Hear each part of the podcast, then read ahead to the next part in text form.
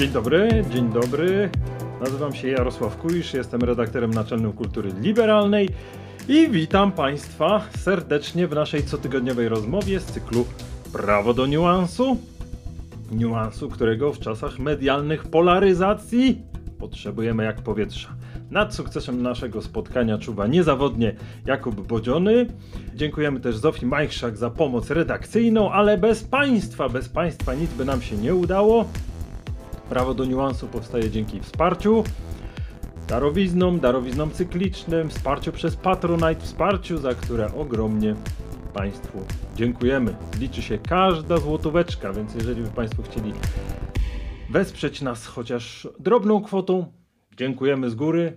Każda, każda kwota się liczy. Proszę Państwa, e, nie tak dawno mieliśmy okazję gościć e, Piotra Witwickiego, z którym rozmawialiśmy sobie o jego książce Znikająca Polska, o tym, jaki sposób próbuje opowiedzieć swoje dzieciństwo, przeszłość, lata 90., nawet niektórzy pamiętają jeszcze lata 80., w jaki sposób próbuje opowiadać o sobie pokolenie dzieci postkomuny, pokolenie, które pamięta Polskę Ludową jeszcze z dzieciństwa, czyli to pokolenie, które wychowało się w niepodległości i przeżyło gorące lata 90. Piotr Witwicki wybrał reportaż do tego, żeby opowiedzieć o swoich doświadczeniach z rodzinnego miasta, a nasz dzisiejszy gość, Piotr Stankiewicz, w książce Pamiętam wybrał inną formułę, mianowicie składa od nowa. Składa przeszłość od nowa, wykorzystując e, formę, która została wypracowana kiedyś tam przez innych autorów, postanowił wlać do niej własną treść i poskładać swoje wspomnienia, w gruncie rzeczy otwierając pole do ułożenia nowej opowieści e, na nowe czasy. Migawki, których przypominamy sobie coś z lat 80., coś z lat 90. i później 2000, tak naprawdę aż się proszą o to, żeby z nich stworzyć jakieś przynajmniej tymczasowe konstelacje. No i o tym będziemy, będziemy rozmawiać. O książce Pamiętam z naszym gościem Piotrem Stankiewiczem. I jeszcze tylko przypomnę, że naszym gościem jest pisarz i filozof, twórca i nauczyciel stoicyzmu reformowanego z którym rozmawialiśmy o jego książkach e, na temat stoicyzmu, który współpracuje z kulturą liberalną, który współpracuje z innymi tygodnikami, czasopismami i polecam gorąco jego najnowszy felieton na naszych łamach, który dotyczy problemów państwa i hamstwa i może do tego też za chwilę nawiążemy. Zapraszam naszego gościa. Dzień dobry, cześć Jarku, dzięki wielkie za zaproszenie, witam Państwa wszystkich, witam w nowym roku, cieszę się, że się znowu widzimy. Witaj Piotrze, bardzo się cieszę, mamy Twoją książkę, pamiętam. Tak jest, zgadza się. Pamiętasz dużo, muszę powiedzieć. Trzeba sobie to jasno powiedzieć, że, że, że pamiętasz sporo z lat 80., sporo z lat 90. Ja we wprowadzeniu nawiązałem do książki Piotra Witwickiego, którą żeśmy omawialiśmy dwa tygodnie temu, trzy tygodnie temu, w której on wraca do swojego miasta rodzinnego, żeby opowiedzieć, co tam się zdarzyło w latach 90. Używa formuły reportażu. Ty do tego, żeby spróbować zrekonstruować, opowiedzieć coś o tej przeszłości, używasz formy migawkowych wspomnień. Pamiętam, że, pamiętam, że, pamiętam, że. Czy nazwałbyś siebie właśnie tak jak to tutaj nam się pojawiło takie pojęcie dzieckiem postkomuny, tym pokoleniem, ostatnim pokoleniem podległości, które, tu nawiążę do jednego z twoich wspomnień, to jest takie pokolenie, które pamięta NRD na przykład. Nie, no to jest nawiązanie przede wszystkim do tytułu twojej książki fantastycznego, y, Koniec pokoleń podległości. To jest coś, co ja dość, jakby całe życie będę pamiętał tę frazę, fantastyczny, fantastyczny tytuł i myślę, że tu jakby od tych takich, y, od formalnych rzeczy może zacznijmy. Ty pisząc swoją książkę Koniec pokoleń podległości mówiłeś o ludziach urodzonych w 89 i później, czyli tych, którzy już nie pamiętają PRL-u. W moim wypadku to jest tak, że no ja jestem rocznik 8.3, to zaznaczam dla takiego właśnie, dla takiego właśnie porządku. Czyli jestem dzieckiem postkomuny, no to zależy jak definiujemy, to, to, to nie jest ta etykietka, którą bym sobie przylepił, myślę. Może, może po prostu wprost. To nie jest do końca, to nie jest moja tożsamość, myślę. I myślę też, że w miarę jak czas biegnie, w miarę jak wchodzimy w ten XXI wiek coraz głębiej, bo to przecież ćwierć metek już za momencik, to się okazuje w moim, jakby w moim doświadczeniu, y, to jest tak, że, że, że te przemiany polityczne lat 80. i 90. w Polsce, one okazują się coraz mniej, mniej identyfikujące, tak? To znaczy dla nas, ty i ja, no to jest dla nas oczywisty sposób myślenia, tak? Że właśnie tego, przełom 89, ostatnie pokolenie podległe, później koniec pokolenia podległości i tak dalej, i tak dalej, że ten 89 rok to jest taki największy, najważniejsze wydarzenie i to jakby, no w jakiejś mierze słusznie. Natomiast im więcej czasu mija, tym no, bardziej się okazuje, że to jest wydarzenie jak jedno z wielu, czy wydarzenie jedno z kilku istotnych. Zmiana systemu politycznego w 1989 roku, ale też wejście do, do NATO w 1999, wejście do Unii w 2004, otwarcie granic, podpięcie generalnie Polski pod e, no, cywilizację zachodnią, powrót w zasadzie do tej cywilizacji zachodniej ze wszystkimi jej dobrodziejstwami i ze wszystkimi jej też ułomnościami, z punktu widzenia właśnie ludzi młodszych, tak, z punktu widzenia moich studentów czy, czy, czy, czy dzieciaków dzisiejszych, no to jest tylko jedno z wielu wydarzeń. Tam jest ta identyfikacja komuna, postkomuna, to coraz bardziej jest taki, e, no coraz bardziej jest taki boomer talk, coraz bardziej odchodzi, myślę, to w przeszłość. Jakby jest istotne dla no, pokolenia naszego i starszego, ale już nie dla młodszych ludzi. Widzisz, ale ponieważ komunikujemy się między pokoleniami, to kiedy tak. mówię, mówię, mówię o, o postkomunizmie, no to oczywiście mówię o post-PRL-u, po PRL-u w tym sensie, bo tu oczywiście zaraz nam się może pojawić e, debata o tym, czy był komunizm, czy nie było, to już zostawmy to zupełnie. Oczywiście mhm. chodzi o takie obiegowe, ale nie, nie jako Belga i w ogóle nawet poza, poza wymiarem politycznym, więc może rzeczywiście trzeba by było powiedzieć po Polsce Ludowej, i tu muszę powiedzieć, że kiedy przyglądam się tym wstępnym Twoim migawkom, to mi dało jednak do myślenia, że kiedy mówimy o tym, co formuje dane pokolenie, tak, co, co wpływa na to, że ten horyzont poznawczy jest inny, no to jeśli już nawiązałeś do mojej książki, to, to ja nawiążę do Twojej, prawda? To kiedy Ty mówisz właśnie, że pamiętasz, jak pytałeś mamę, co to jest proletariat, który był na banknocie 100 złotowym, to to są właśnie te migawki, które przypominają nam o tym, że jeszcze była jakaś inna rzeczywistość państwowa, tak, tak.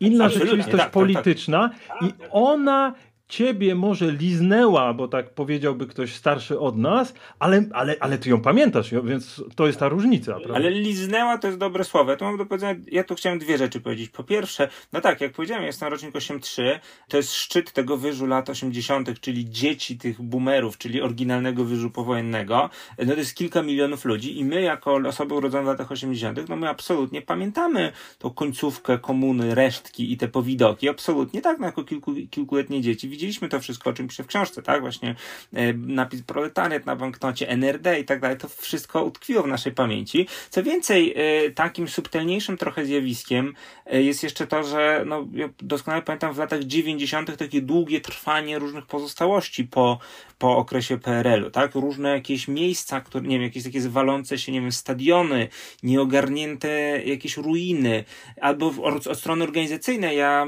w, w, za młodu, że się tak wyrażę, dużo bardzo żeglowałem żeglowałem i właśnie w takich żeglarskich klimatach, jakaś tam Liga Ochrony Kraju, Obrony Kraju w Jastarni, czy Polski Związek Żeglarski, to, to były takie no, rezydua komuny, które trwały w najlepsze jeszcze kilka czy kilkanaście lat, więc ta fraza, że pamiętamy, że rzeczywistość inaczej wyglądała, to jak najbardziej my pamiętamy, tak? Absolutnie, absolutnie to jest prawda, bo niektóre z tych rzeczy, no jakby długo jeszcze w trzecią RP tam sobie dosychały. Natomiast ja nie, nie wydaje mi się, żeby mnie czy moje pokolenie to doświadczenie definiowało. My to pamiętamy pamiętamy, ale trochę pamiętamy to, no jako, no nie chcę powiedzieć ciekawostkę, ale jednak to nie jest, nie jest podstawowa tożsamość. To nie jest tak, że to nas ukształtowało. Czyli raczej pokolenie transformacji, tak? Czyli 90. lata. Tak, naszym doświadczeniem jest to, co się działo później i ta histori- wielka historia no wchodzenia Polski w wielki świat, ale nie tylko w znaczeniu politycznym, ale też w znaczeniu technologicznym, tak? No jakby świat się wtedy bardzo zmieniał e, i myślę, że jak będziemy, jak będziemy już, już takimi dziadusa, dziad, dzia, jak to się mówi? Dziadersami. Nie, dziadersami to nie, bo to pejoratywne. Jak będziemy takimi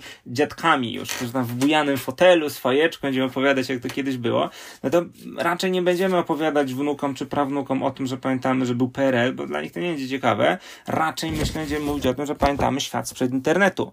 Pamiętamy świat sprzed telefonii komórkowej, świat sprzed mediów społecznościowych, świat sprzed tego typu rzeczy, tak? Myślę, że z biegiem czasu się okaże, że ta zmiana właśnie technologiczna była nawet większa niż ta zmiana, niż ta zmiana polityczna. Ja muszę, muszę powiedzieć, że, że tak przyglądam się próbom konstruowania tej nowej opowieści o latach e, 90., jeśli ktoś pamięta, to końcu lat 80. jeszcze. I to jest, to jest, to jest droga przez mękę. To znaczy, ja, ja odczytuję Twój Tak, tak. wysiłek. I to rzeczywiście jest coś, co, co wydaje mi się jednym z najważniejszych tematów w Polsce i być może w naszym rejonie geograficzno-politycznym. Mianowicie, no, to te starsze pokolenia narzuciły swoje narracje, interpretacje przeszłości. One są bardzo mocne. One niewątpliwie prawda, przyczyniły się do uzyskania niepodległości, niewątpliwie uformowały życie polityczne, dobór aktorów e, życia publicznego. To wszystko wpływ jest gigantyczny. I rodzi się wręcz takie py pytanie, czy to, to pokolenie następne, to którego dzieciństwo czy nastoletniość przypadło na lata 90., no to jest takie pokolenie, które jest słabsze e, narracyjnie, a w Nie. związku z tym politycznie. E, Ja, ja nie mówię o tym bez powodu. Kilkakrotnie słyszałem właśnie takie zarzuty pod adresem tych następnych pokoleń, a zaczyna się to od tego pokolenia lat 90., że ono nie wywalczyło swojego miejsca w życiu publicznym, że ono, jego głos jest Jeszcze. słabo słyszalny. No, jeszcze. Jeszcze. Ono już tak 40 lat niektórzy mają, albo i więcej. I, i takie jest e, pogardliwe. My, pokolenie Solidarności, czy my, tam pokolenie, no głównie Solidarności, czy to będzie 80 czy 89, to już mniejsza. No my to żeśmy tutaj wykonali całą robotę. I mówię o tym, bo w książce szukanie tego języka, wydaje mi się, że zaczynasz od detalu. Dla mnie to jest bardzo ważne. Bo te narracje duże, polityczne, te takie społeczne, polityczne są tak ogromne, o takiej sile przytła, przytłaczające dla wszystkich, że wszystko albo nic. A, a ty piszesz, że okrągły stół pamiętasz? Oglądaliśmy Jako butelki z obrady, tak. o, oglądaliśmy obrady okrągłego stołu w telewizji. Najbardziej podobało mi się, że przed każdym stał napój w kolorowej butelce. To jest wyzwalające. Tak, tak, tak.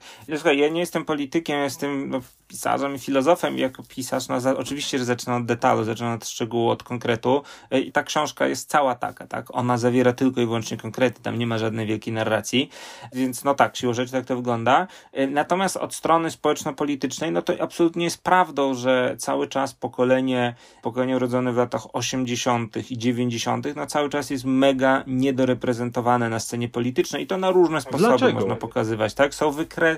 No, dlatego, że polska scena, e, scena polityczna jest zgeriatryzowana, tak? Że dominują w niej osoby, no generalnie po 40, 50 i 60. Dlaczego? Tak? I to na Dlaczego? A jaka to, słuchaj, odbiję to pytanie, bo jakby to, to nie jest łatwo odpowiedzieć, tak? To nie jest łatwo odpowiedzieć.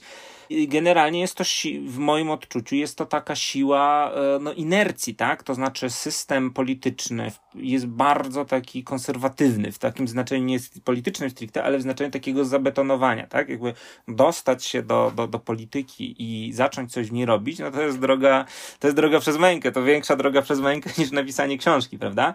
I są, są te systemy, jest ten system władzy, który się reprodukuje i wnieść do niego coś nowego, no jest strasznie trudno, a przede wszystkim, to będzie chyba odpowiedź na to twoje pytanie, jak się patrzy na młodych polityków tego czy drugiego, jednego albo drugiego obozu, no to widać, że oni są jakby klonami tych starszych wersji, tak? No to nie jest prawda, że rządzą sami 70-latkowie, natomiast jest prawdą, że ta, nar- tak jak dokładnie tak jak powiedziałeś, ta narracja ustalona przez 50, 60, 70-latków, którzy walczyli z komuną i tak dalej, no ona jakby dalej obowiązuje, dalej polska polityka się według tego odbywa i młode pokolenie przejmuje. Ona jest takim trochę warunkiem wejścia do tej polityki, tak?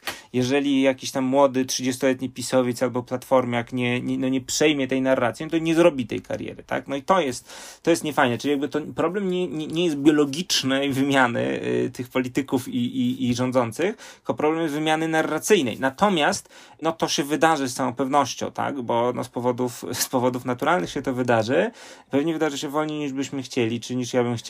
Natomiast wydarzy się na pewno. No i oczywiście cały szereg różnych zapowiedzi tego widać już, tak? No młodzieżowy strajk klimatyczny, ta bardzo duża aktywność polityczna teraz młodych, obecnych dwudziestolatków, no to są wszystko zapowiedzi tej, tej zmiany i zmiana, która się już, już w zasadzie dzieje.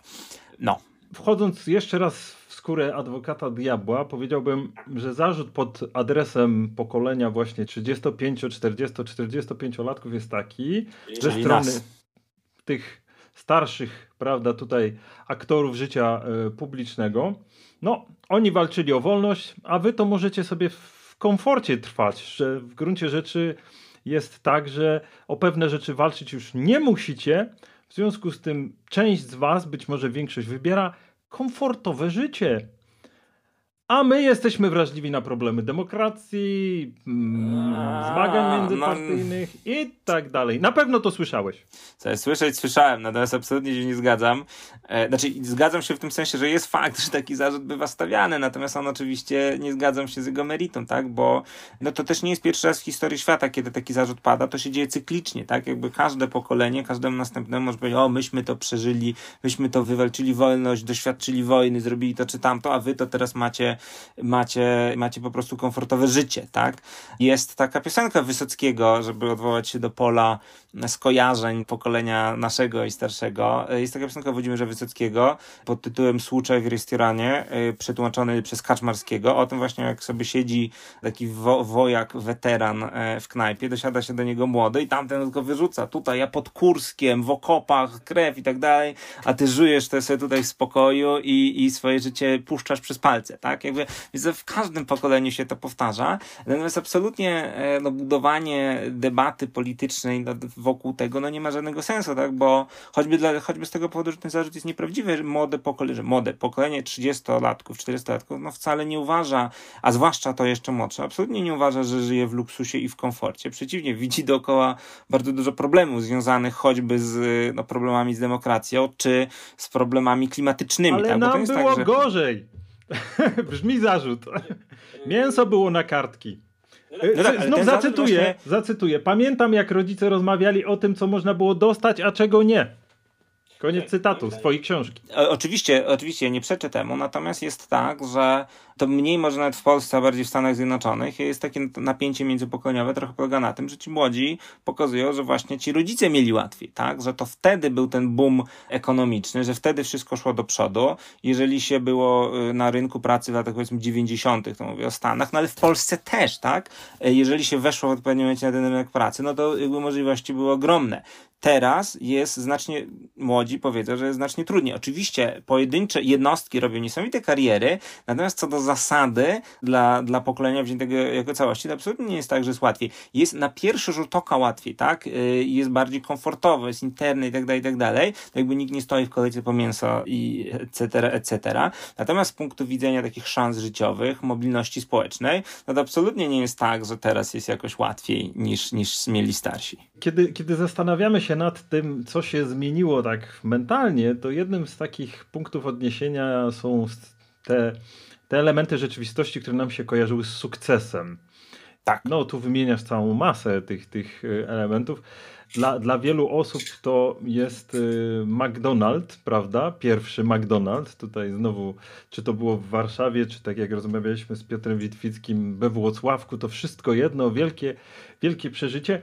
Pytanie do ciebie, co z tego, co uchodziło za symbol sukcesu, dla ciebie przebrzmiało z lat 90. O, dobre pytanie. Znaczy, mówiąc symbol sukcesu, masz na myśli nie tyle sukcesu indywidualnego, co masz na Aspiracji. myśli symbol zachodniego bogactwa, tak? E, To faktycznie w latach 90. ja doskonale pamiętam, że e, słuchaj, no to też Włocławek. Byłem w 2002 byłem w McDonaldzie w Włocławku. W moim mieście rodzinnym w Pruszkowie otwarto McDonald's 6 grudnia 96 roku. I po, ja oczywiście mam trochę takiego hopla, że pamiętam daty i tak dalej. Natomiast no to, że pamiętam tę konkretną, no nie jest przypadkiem, bo to był wielki, to był przecież wielki ten, tam było chodzenie, przez ileś tygodni było chodzenie po szkole do tego McDonalda na, na jakby wiadomo, tak? I to oczywiście, i to oczywiście przebrzmiało, tak? Te wartości takie stricte materialistyczne, które były wtedy były charakterystyczne, czyli właśnie McDonald's, tak? I, i zachodnie marki, generalnie rzecz ujmując. No dzisiaj, no, no nie są już tak oczywiste, tak? Jakby no dzisiaj nikt się nie pochwali tym, że, że pójdzie do McDonalda na posiłek. To jest, to jest oczywiste, to jest przezroczyste. Dzisiaj to przesunięcie jest siłą rzeczy w stronę takich wartości postmaterialistycznych, tak? Czyli takich jak komfort życia, work-life balance i tak dalej, i tak dalej. I tutaj jest droga spełnienia, czy droga aspiracji, a nie stricte w konsumpcji, tak? Czyli jakby zmienia się ten, zmienia się trochę ten układ, ten układ wartości, tak? Jest, jest teraz bardzo dużo, na się zamiast stoicyzmu, to jest oczywisty przykład, ale przecież jest bardzo dużo tam, posiadać mniej, minimalizm, różne tego typu trendy, blogi na ten temat, jakby tego jest dużo. Oczywiście to jest dla, no, pewnie mniejszości, ale jednak to jest solidna, znacząca mniejszość na to nie było miejsca w latach 90. W latach 90. no to wszyscy byli zachwyceni tą konsumpcją, tak? Ci, którzy mieli na to środki, no to konsumowali, ci, którzy środków nie mieli, się frustrowali, ale jakby przestrzeni na to, żeby aktywnie mówić, że, że konsumpcjonizm jest trochę, jest zły i, i tak naprawdę nie o to chodzi, no było wtedy nieporównanie mniej niż jest teraz. No cóż, jednak ten głód konsumpcji trzeba zawsze widzieć w kontekście głodu wyjściowego. To znaczy, że jednak Polska należała do najbiedniejszych krajów w Europie. Ale i tak, i, i to jest moim zdaniem teraz bardzo dobry moment tej rozmowy, tak? Że właśnie to, że to jest w jakiejś mierze naturalne, że pokolenie urodzone w latach, powiedzmy, 50. czy 70., no doświadczyło tej tego niedostatku lat 80., czy później jeszcze lat 90. W związku z tym, no, z absolutną żarłocznością się rzuciło i zrozumiałą żarłocznością się rzuciło na to, co bogactwo świata zachodniego miało do, do zainteresowania. I jakby dopiero jak się nasyciło, no to w następnym dopiero ruchu może się pojawić kontestacja. To jest w jakiejś mierze naturalne i w związku z tym to napięcie pokoleniowe zawsze będzie, tak? No bo osobie urodzonej w roku, nie wiem, 2000, dla niej mówienie o tym, że o, ale w 85 były puste półki, no to jest jak za Gomułki mówić o tym, że przed wojną był głód, tak? W sensie kompletnie abstrakcyjna rzecz. I w jakiejś mierze to jest oczywiście naturalne. Natomiast ja, bo no, rozmawiamy wokół mojej książki, pamiętam, i jak teraz rozmowa nasza poszła w tą stronę, czuję taką potrzebę, żeby powiedzieć coś w rodzaju, że ja w pewnym sensie napisałem tą książkę po to, żeby sobie, ale no, całemu pokoleniu właśnie rodzonym w latach 80., no, umożliwić pewne rozliczenie się z tą przeszłością, tak? No, jesteśmy w wieku, że się albo w wiek, w wiek średni wchodzi, albo już się w nim jest, tak? I albo się kryzys wieku średniego właśnie przeżywa, albo się go będzie przeżywać za chwilę. I to właśnie takie podsumowujące spojrzenie wstecz, co przeszliśmy, czego doświadczyliśmy, gdzie jesteśmy, żeby móc popatrzeć w przyszłość, no to, to była inspiracja tak naprawdę do tej mojej książki, tak? To, to jest to. Jednocześnie, jednocześnie to jest kwestia hierarchii tematów ważnych, mniej ważnych i trywialnych, prawda? I wydaje mi się, że jedną z takich, z takich rzeczy, które uzmysławiają twoje tutaj migawki z tego, co pamiętasz, jest to, że po prostu pokolenia, które przeżywały dzieciństwo, czy, czy, czy były nastolatkami w latach 90., one siłą rzeczy muszą mieć inną hierarchię ważności, kwestii tego, co jest istotne w życiu, niż te, Tak, no, które oczywiście. prawda, były dorosłymi osobami pod koniec lat 80. I myślę, Tak że tu jedny, jest to jeden z kłopotów e, w polskiej rozmowie o, o, o sferze publicznej, bo nie tak dawno Bartłomiej Sienkiewicz, także jak ty, nasz felietonista, e, napisał o tym, że on po prostu nie jest tak do końca wrażliwy na pewne agendy polityczne ludzi młodych. I on nic nie poradzi na to, że dla niego, nie wiem, geopolityka i niepodległość są ważniejsze niż kwestie ekologiczne. No tak, i, to- jest uczciwe postawienie sprawy, tak? To jest uczciwe postawienie sprawy, że pewne rzeczy, czy pewne, pewne doświadczenia, pewne wrażliwości e, są uwarunkowane doświadczeniami, biografią, pokoleniem i tak dalej, i tak dalej. Karl Mannheim ujął to, o, o, pokoleniach tak pisał, to tylko tutaj dorzucamy.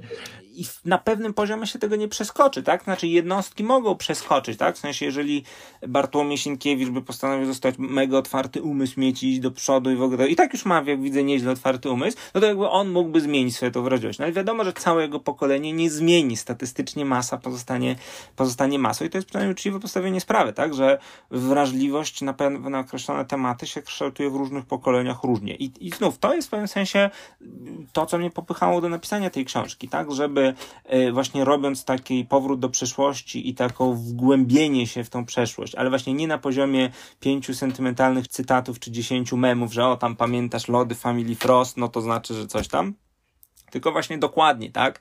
Wgryzając się w to głębiej, żeby pokazać właśnie, czym są te doświadczenia, które nas ukształtowały, jaka była ta nasza droga, czego myśmy doświadczyli i jak to się składa na to, kim jesteśmy, kim jesteśmy teraz. Czy wobec tego widziałbyś e, u siebie takie tematy, jak e, Bartłomiej Sienkiewicz mówi, że pewne, pewne tematy współczesne są poza jego radarem, czy też widziałbyś takie tematy, które wchodzą teraz e, do głównego nurtu i ty też czujesz, że no nie, jednak zostałeś ukształtowany w innych warunkach.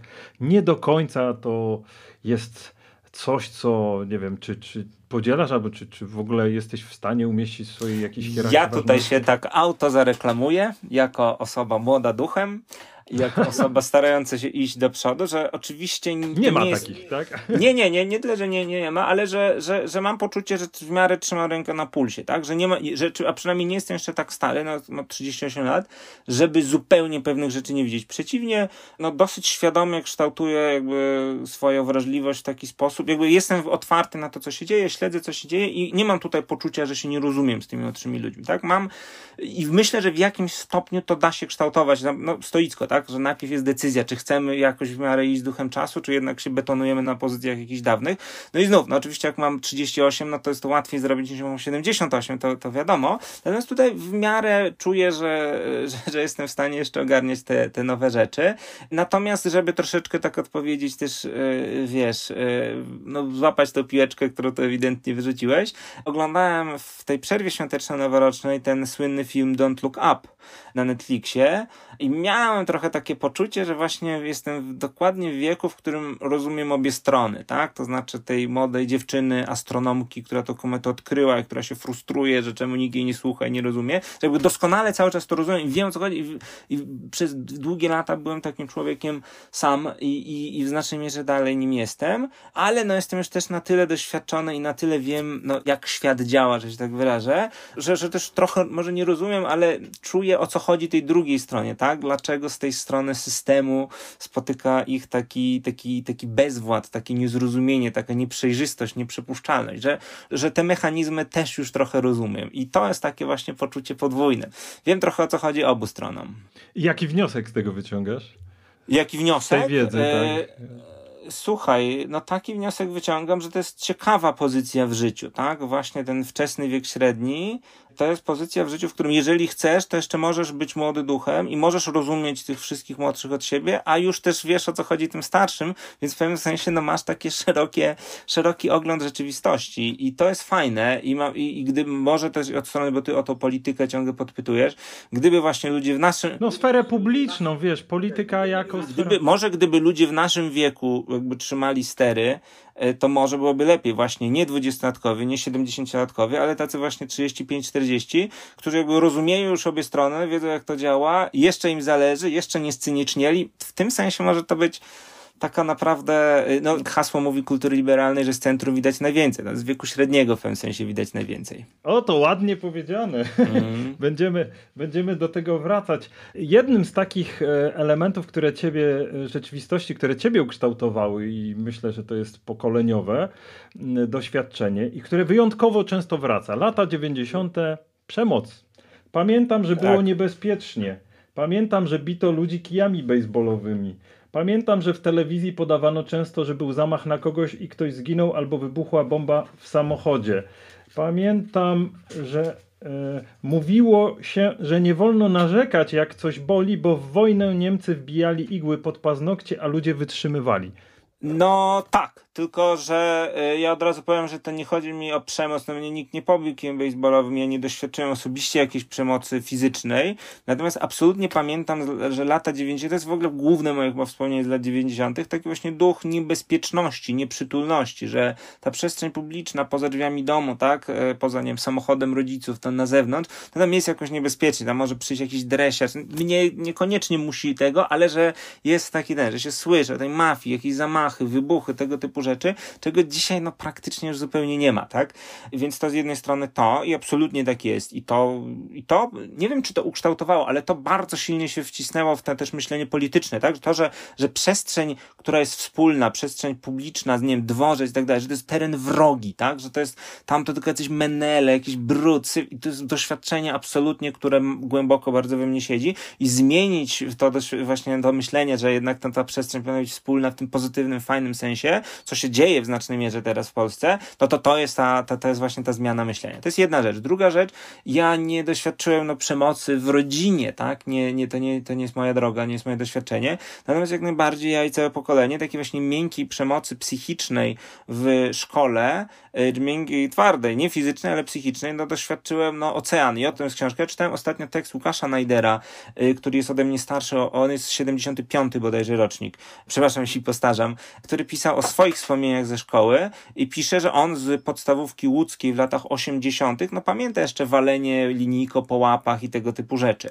Ja z lat 90. już nie pamiętam przemocy fizycznej, natomiast takie upupianie, upokarzanie, takie wyśmiewanie dzieci nawzajem dla siebie, no totalnie się wyśmiewają, że jesteś nienormalny, że jesteś jakiś dziwny, że nauczyciele bywa, że do, się tego, do, do tego dołączają. Tak, to jest, zdaje się, aż mnie zaskoczyło, jak dużo jest tego w tej książce i tego mega dużo pamiętam z lat 90. i niestety tak było. I znów, wydaje mi się, że książkę napisałem również po to, żeby sobie i, i całemu pokoleniu no, pokazać, w jaki sposób, no właśnie, przeszliśmy przez to, jak z tego wyszliśmy, jak możemy to przepracować, no i co dalej, tak? Żeby się tego nie wstydzić i żeby o tym mówić. A myślisz, że już wyszliśmy z tego? Jeśli chodzi o szkołę, bo to stricte jest o to pytanie, e, no to jest taka, jak to się mówi, jednoznaczna ambiwalencja, tak? To znaczy ja, prawda, następne dobre pojęcie, od razu tam na Twittera wrzucajcie. I na pewno się poprawiło, tak? Na pewno się poprawiło i pewne rzeczy, które przechodziły wtedy, no dzisiaj by nie przeszły. Jestem ojcem córki, rocznik 2017, więc życie przedszkolne, korespondencja z przedszkolem jakby non-stop jest na łączach. No i wiem jakby też po reakcjach rodziców, no że po prostu te minima tolerancji się zmieniły i to już jakby pewne rzeczy absolutnie nie przejdą. Natomiast oczywiście, no, szkoła dalej jest piekiełkiem, tak? To nie jest tak, że teraz jest raj. To się w znacznej mierze poprawiło, ale jest jeszcze, jest jeszcze way to go. No i to tak jak mówiliśmy, tak? No to nie da się, każde pokolenie ma swoje doświadczenie, no raczej nie da się oczekiwać, że wszystko się zmieni za jednym zamachem. No, z doświadczeń e, myślenia stoickiego wiesz, że w ogóle nie ma czegoś takiego jak rzeczywistość idealna, której, której można, można jedynie poprawiać, tak jak to odsyłam do naszego dawnego podcastu, tutaj będzie tak, to wszystko oczywiście. podlinkowane.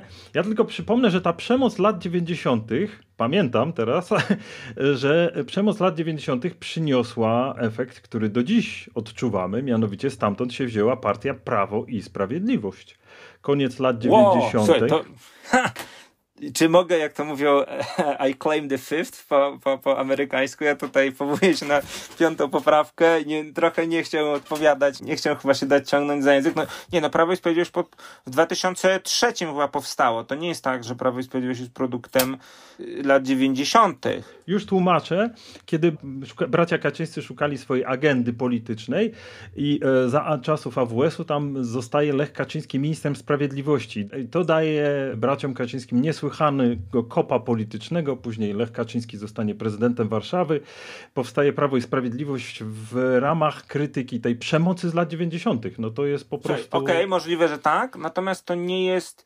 Dla mnie to jest y, jakby czysto intelektualna czy, czy naukowa rozkmina. To nie jest moje doświadczenie. Tak? W momencie, jak ja byłem y, jakby te lata 90., to rozgrywki na szczycie władzy, tak, że Kaczyńscy, że to, że tamto, że Wałęsa, no to była czysta abstrakcja, tak, i to chyba widać w tej książce, że to były rzeczy dziejące się w telewizorze, tu zginął Kukuczka, tu Wałęsa został prezydentem, tutaj coś się innego stało, to wszystko są rzeczy dziejące się w dalekim świecie, kompletnie mnie nie dotyczące, tak, no jednak jak masz 10 lat, czy jak masz 12 lat, no to ta polityka jest od ciebie odległa. Co się też zmienia, tak, no bo dzisiejsi już 12 nie, ale nie 15, 17 latkowie są dużo bardziej zaangażowani politycznie I to jest też, myślę, rzecz, którą, którą widać i która w paru fajnych już takich mądrych rozmowach z mądrymi ludźmi, jak rozmawiałem mądrzejszymi niż ja o, o tej książce, to to wychodziło, tak, że moje pokolenie było wychowane do tego, że otwarto, e, że świat się otworzył, weszliśmy do Unii, jest jakby cywilizacja, kapitalizm i tak dalej i trzeba z tego korzystać, trzeba robić kariery, a nie myśleć o jakimś politycznym zaangażowaniu, a nie myśleć o jakimś, y, wiesz, protestacjach, że strajk klimatyczny, że coś,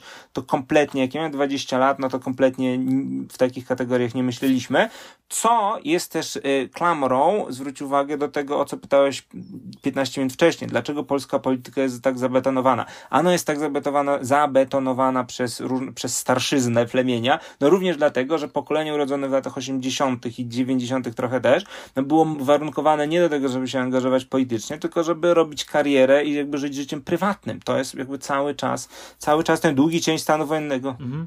Tak odczytywano niektórzy. Okazuje się, że wcale nie była to mniejszość, tylko być może większość. Odzyskanie niepodległości to była szansa do tego, żeby po prostu iść e, w sferę karier prywatnych w gruncie rzeczy. Szansa, ale z punktu widzenia bardzo fajny znów myślę moment rozmowy, bo szans, nie tylko szansa, ale jakby jak przelewano to na dzieci, to z punktu widzenia dorastających ludzi wtedy to nie była tylko szansa, to był też taki wymóg, to było oczekiwanie, to było parcie, że mamy iść w tą stronę. Nie mamy protestować, nie mamy się angażować w politykę, mamy zajmować się życiem prywatnym, a jeszcze szerzej, i to, i to jest fajne, tak? Myślę, że właśnie to, co dorośli wtedy widzieli jako szansę, no w, w dzieciach odzwierciedlało się jako no, oczekiwanie, parcie, nacisk, żeby to właśnie, żeby to właśnie robić. No i też dlatego ci o dzisiejsi 30 czy 40-latkowie, no w tej polityce jest jeszcze ich ciągle mało. No, powiem Ci, że być może tutaj jeszcze jeden taki element tej układanki się należałoby o nim wspomnieć przynajmniej. No to jeżeli zawaliło się życie zawodowe rodziców, to dzieci nie miały nawet czasu na to, żeby się zastanowić specjalnie nad tym, e, że jest jakiś wybór między życiem zawodowym czy politycznym, bo po prostu trzeba było finansowo ratować rodzinę albo sobie w ogóle poradzić. To są bardzo często też takie wybory wczesnych karier zawodowych w porównaniu chyba z tym, co jest dzisiaj. Słuchaj, no nie znam badań na ten temat, e, więc nie powiem porównawczo, natomiast z całą pewnością, no oczywiście tutaj mówimy o tych, których prze, prze transformacja pogrążyła. No i tutaj absolutnie jest tak, że te, tego tematu w ogóle jeszcze tu nie poruszaliśmy, no że dla milionów ludzi w Polsce, no początek lat 90. nie był żadnym rozkwitem, wejściem, bogactwem, też w takich kategoriach to opisywaliśmy, ale był no wielkim ciosem, tak, kiedy świat się zupełnie zawalił, trzeba było sobie radzić w nowej rzeczywistości, no kompletnie, kompletnie nie, nieprzyjaznej, tak tak? I też polityczna przestrzeń do mówienia o tym, no się pojawiła dopiero no, w ostatnich latach, tak? No, w latach 90. I o tym też piszę w książce, tak? W latach 90., jeżeli słowo PGR, no to było synonim wszelkiego zła. Jeżeli ktoś był, pochodził z wsi popegierowskiej, to znaczyło, że jest najgorzej, jest jakimś gorszym w ogóle rodzajem człowieka, że nie umie sobie radzić w życiu i tak dalej, i tak dalej. To jakby nie było przestrzeni, żeby o tym inaczej mówić, tak? To jeżeli mówisz inaczej, to byłeś, no, wariatem. I to, i to jest no, smutne, tak? To jest, to, smut, to jest bardzo smutne, że to tak wyglądało. Pamiętam, że wydawało mi się, że jak będziemy dorośli, to Polska będzie taka jak Europa, taka jak obiecywano tak. w gazetach. Tak jest. Tak, tak, tak, tak, dokładnie pamiętam. I to w pewnym sensie jest taka jedno z takich nadorganizujących doświadczeń moich, y, że przez całe lata tego właśnie kształtowania, tak, te tam lata wczesnej młodości, no w ten sposób tak mówiono o polityce. Wszystkie gazety, wszystkie telewizje, tak, tak, to, to, tak to się działo, tak, że jest pewien ustalony kierunek i że my w nim idziemy, że skończył się komunizm, trzeba zrobić reformy, wejść do NATO, wejść do Unii, jakby zbudować autostrady, że jest ten kierunek docelowy i którego nikt w zasadzie nie podważał, a jeżeli podważał, to był nazywany wariatem. Dzisiaj jesteśmy jesteśmy już trochę na nowym etapie, mianowicie, no, że już chyba doszliśmy tam, gdzie mieliśmy dojść, no i musimy sobie już w taki doroślejszy sposób zadać jako społeczeństwo pytanie, co, co dalej, gdzie dalej chcemy iść i w, i w pewnym sensie również to, po to napisałem tą książkę, tak, żeby, żeby móc to z takiej prywatnej perspektywy rozkminić, co myśmy przeszli, co widzieliśmy, gdzie jesteśmy i co dalej. To jest ten, to jest też ten kontekst. To bardzo ładnie powiedziałeś o tym, że z dorosłej perspektywy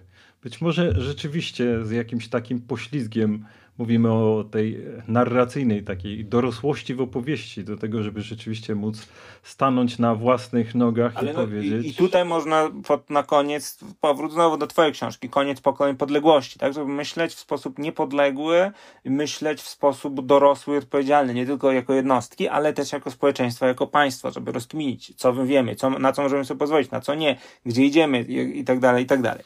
Polecamy. Piotrze, dziękuję Ci pięknie za miłą Dziękuję rozmowę. serdecznie. Pamiętam Piotr Stankiewicz. Zapraszam na mojego newslettera na stronie piotrstankiewicz.pl. Dziękuję za uwagę, za bardzo fajną rozmowę. Jakby parę rzeczy mi zostało. Super, dziękuję. Bardzo fajne spotkanie. I polecamy Twój felieton dziś na stronie. Podlinkujemy. Tak jest. Dziękuję Dzięki wielkie.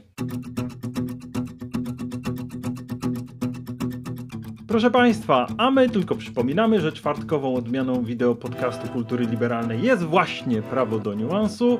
Każdy odcinek mogą Państwo obejrzeć, Facebook, YouTube, inne miejsca, ale również posłuchać na ulubionych serwisach streamingowych, a tam jak Państwo pamiętają z naszych poprzednich spotkań odnosimy spore sukcesy.